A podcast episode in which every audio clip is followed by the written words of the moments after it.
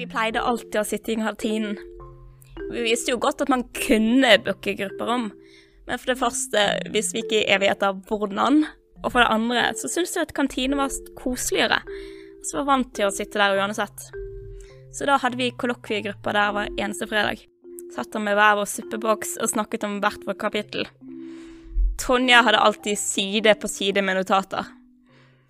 Jenny hadde bare noen få stikkord, men greide likevel å huske allting uansett. Så var det Sofie, som alltid fortalte kapittelet på en så overdreven måte at selv X-Fac hørtes morsomt ut.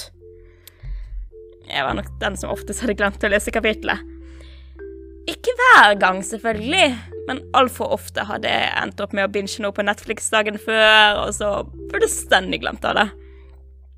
Heldigvis tilga de meg stort sett. Og så husket jeg i hvert fall gangen etter. jeg, husker siste gang vi satt i kantinen sammen. Suppen den dagen var tacosuppe, og vi skulle ha eksamen dagen etter.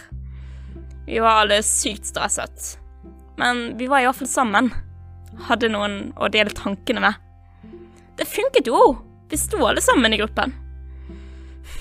Jeg er så takknemlig i ettertid for den lille gruppen min, kantinen og tilgivelsen for alle feil gjort i årene.